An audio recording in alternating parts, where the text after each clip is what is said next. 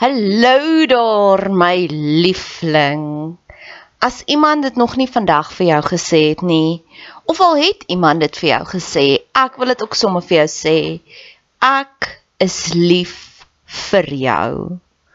God is lief vir jou. Die feit dat jy hierdie pot gooi luister, beteken dit God het groot planne vir jou en hy wil hê jy moet verder dink en groter dink. Hy is lief vir jou. Jou Skepper, die een wat jou gemaak het, die een wat jou die mees intiemste ken, hoor jou skree die Harry daar saam om saam te stem. Hulle sê ja. Hy is lief vir jou. As jy so 'n bietjie love deprived is, bid ek vir jou dat God oomblik tot oomblik vir jou wys hoe lief is hy vir jou. Dis hoekom al die van of al die briewe begin met soveel joy in die Bybel, nê? Nee? Gaan lees bietjie daardeur. Um Johannes skryf, ek hoop dat jou siel 'n skat ryk. Judas skryf, is nou Judas wat hy skryf, liefde is op pad. En ek dink is ook Judas wat praat van mag alles binne in jou jubel van blydskap want God is so amazing. En weet jy hoekom skryf hulle dit? Want hulle het dit ervaar en dit is soos daai liedjie I can't keep keep it in I have to get it out. En dis my seëning vir jou. Al hierdie verhoogde emosies wat ek ervaar, mag jy dit ook ervaar want ek weet hoe voel dit om daaronder te wees en dood te wees binnekant maar ek weet ook hoe voel dit om te vlieg soos 'n arend. Mag jy dit vandag ervaar. Dankie dat jy tyd spandeer op my kanaal. Dankie dat jy jou kosbare tyd investeer. Maak kontak. Ek love dit om van julle te hoor. Niks gee vir my soveel joy soos om te sê 'n boodskap neem. Ek is op al die platforms, Instagram, Facebook. Stuur vir my 'n Facebook boodskap, Bet Seber en ek stuur sommer vir jou my selfoonnommer. Laastens, as jy wil betrokke raak, asseblief doen. Ek het altyd hulp nodig. Hulp nodig aan bemarking, hulp nodig as jy van jou tyd wil investeer in koninkrykswerk. Jy hoef nie net pannekoeke te bak by die kerk bazaar om koninkrykswerk te doen. Jy hoef nie net soos jy Jehovah getuies gaan klop aan deur om te sê wil jy deel word nie. Daar's soveel meer maniere. Geniet die podcast. Dis 3 minute. As jy as jy dit een keer geluister het en jy wil dit elke keer forward, ek gaan jou eer 3 minute. So hierdie is my week 10 verslag. Um jy hoef glad nie dan week 8 en 9 te luister nie. Ek gaan my bes te doen om jou te recap van waar ek tans is. Ek is in die proses om 'n dikker vel te groei. En een van my terapeutiese behandelings is om die narcissiste uit my lewe uit te sny. So ek het dit stelselmatig, ek is 'n gentle persoon, so ek het dit eers gentle gedoen en die persoon het net meer op en af gespring en nog meer van my energie gevat totdat ek hom heeltemal geblok het. En ek's glad nie 'n voorstander van 1 2 3 blok jouself nie. Kinders blok mekaar. Maar ek is 'n groter voorstander van emosionele genesing. So ek het, het vanoggend besef ek het 'n ding met 'n donderdag. Ek dink regtig waar 'n donderdag is my gunsteling dag van die week.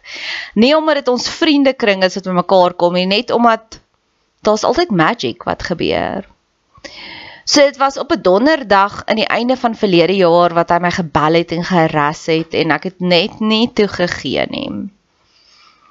En ek het verlede week donderdag het ek besluit ek gaan hom blok en verlede week was my verslag as volg om te sê ek het gesukkel my joy was nie natuurlik terug nie. In die oggende as ek wakker word, moes ek eers 'n bietjie daaraan werk en dan kom my joy terug.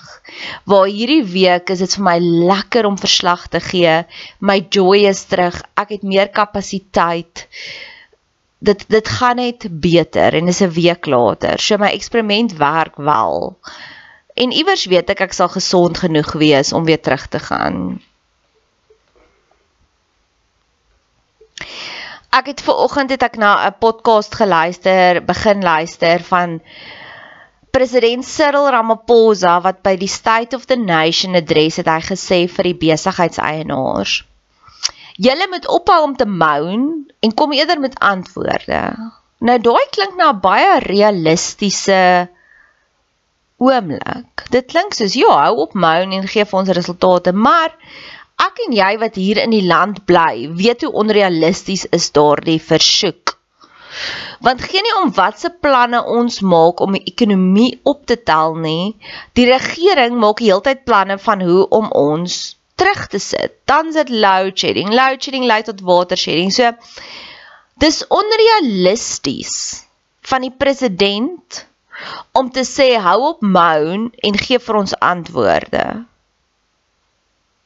Want ons weet een hulle gaan nie vir ons luister nie. So hoekom gaan ons ons energie mors? 2 Al gee ons die beste antwoorde, hulle gaan net nuwe maniere uitdink om dit weer op te donder. En dis hoe ek voel met hierdie familielid.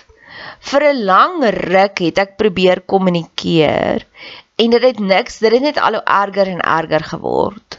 Enige iemand wat hier in Suid-Afrika bly en na ons ekonomie kyk en na ons politiek kyk, Dit is wat ek beleef met die patriarg in my lewe. Ek kan onthou 'n jaar terug was die laaste keer wat ek probeer beredder het. En dit is so onregverdig dat 'n kind moet beredder, dat die kind die ouer moet wees in hierdie verhouding. Maar dit is oukei, okay, ek weet die lewe is nie regverdig nie. En as ek my rol 100% goed speel as die kind en die rol van ek is die ouer. En in beide gevalle tel hulle klippe op en hulle gooi. Hulle bring load shedding, hulle bring water shedding, hulle bring allerlei moeilikheid. Iewers gaan jy besef ek wil nie meer saam speel nie. En iewers an unexamined life is not worth living. En ek dink daar's baie mense wat eerder maar net die die houe sal vat. As iemand so sal sê soos president Cyril Ramaphosa, ek hou op my en bring antwoorde wat sal dink, okay, ek gaan nou maar net antwoorde bring. Dalk gaan ek hom nou please, dalk gaan load shedding nou ophou. Nee.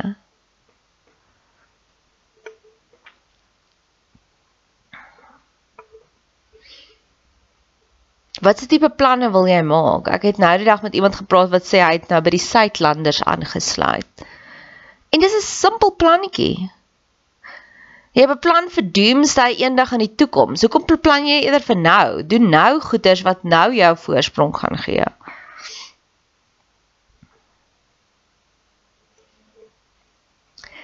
En ek wil hierdie volgende ding wil ek ook oor lament want ek besef ek is regtig voor in 'n oomblik van lamentations ek rou oor die dinge waaroor ek kan rou. Verlede jaar het ek en my goeie geestelike mentors vriend saam gekuier en ek het hom gesê dis my strategie met die patriarg en hy het my gesê en wat, wat doen hy? Toe sê ek hy probeer my nog steeds op 'n manier te koop en hy besef nie dat ek is nie koopbaar nie. Of dalk is ek koopbaar, maar dan moet wat bring jy dan aan die tafel toe? Dan moet iets decent wees. 'n klein ou journal boekie gaan maar nie omkoop nie. En toe sê my vriend vir my, hy kry die patriarg so jammer. Want dit moet vir hom so sleg wees. En vir 'n oomblik het ek hom ook jammer gekry, maar toe besef ek, gisteraand het ek dit weer besef. Vir my om daai besluit te maak, ek is nie 'n harde persoon nie. Weet jy hoeveel keer moes ek seer gekry het voordat ek besluit het tot hier toe en nie verder nie, totdat ek by daai punt gekom het van resentment. Ek het gisteraand weer Cougar Town gekyk. Ek love Cougar Town, dis net so snaaks.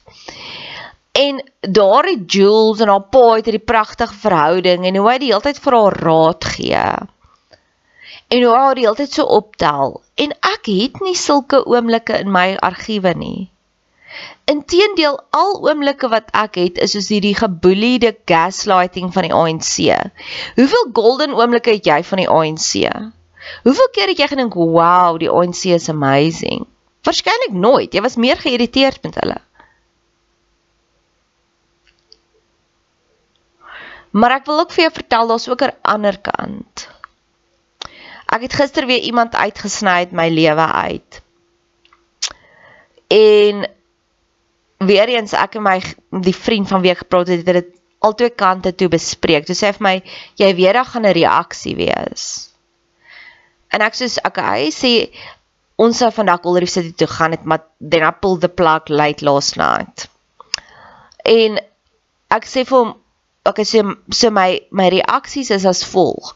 Of ek sê nou nee en ek gaan die persoon waarskynlik so 'n bietjie reageer daarop wat justified is. Of ek gaan Gold Reef City toe en dis nie lekker nie want ek stres want dis verkeerd en dis verkeerd en dis verkeerd en die hele doel van die dag was joy. Dan gaan ek vir langer nagevolge hê van ek is spyt ek het gegaan. So eerder korttermyn opoffering vir langtermynse genot. En toe sê my vriend vir my, dit klink vir hom na 'n slim plan. So then I pulled the plug op vandag se Gold Reef City kuiertjie. En omdat ek die patriarg in my lewe is 'n stereotypiese narcissus. So die oomblik as hy nie sy sin kry nie, dan gooi hy hierdie groot stinkboms. So ek het vir 40 jaar lank dit gebrace bracing the storm. Laat toe ek toe nou die ding kanselleer, het ek myself voorberei op die mees uitermatigste stinkbom.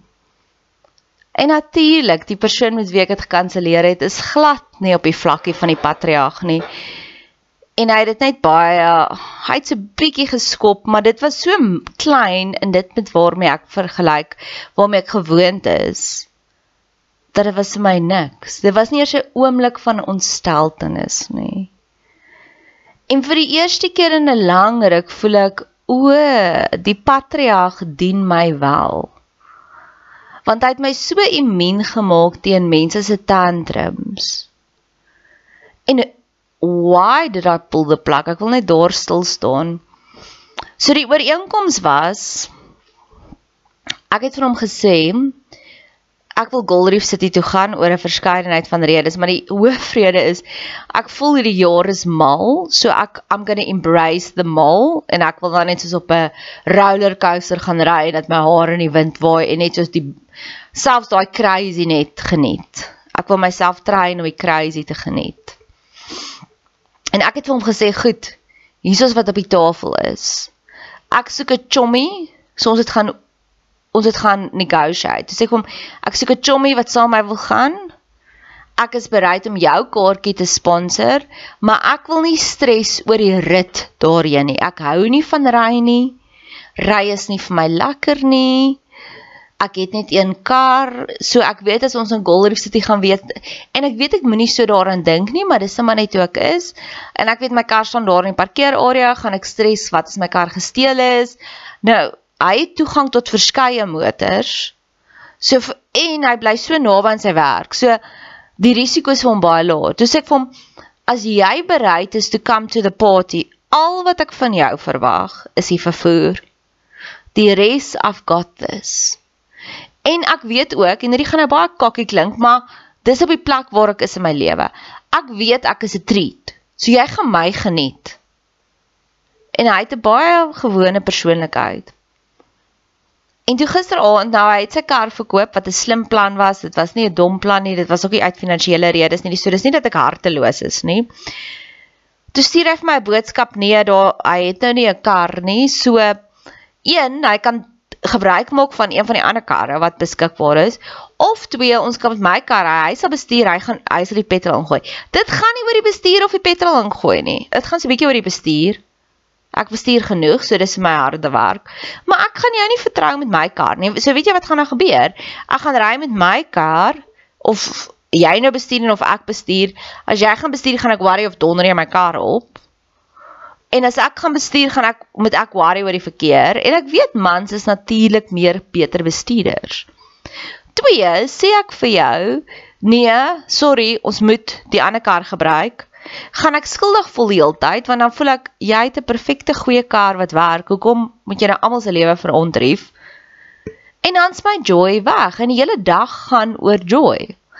En die slegste van van dit was hoekom moes ek die besluit maak?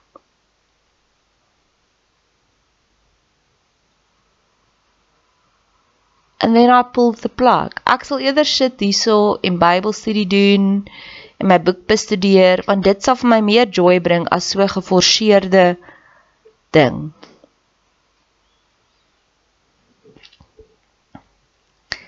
En ons mag sulke selfsugtige besluite maak.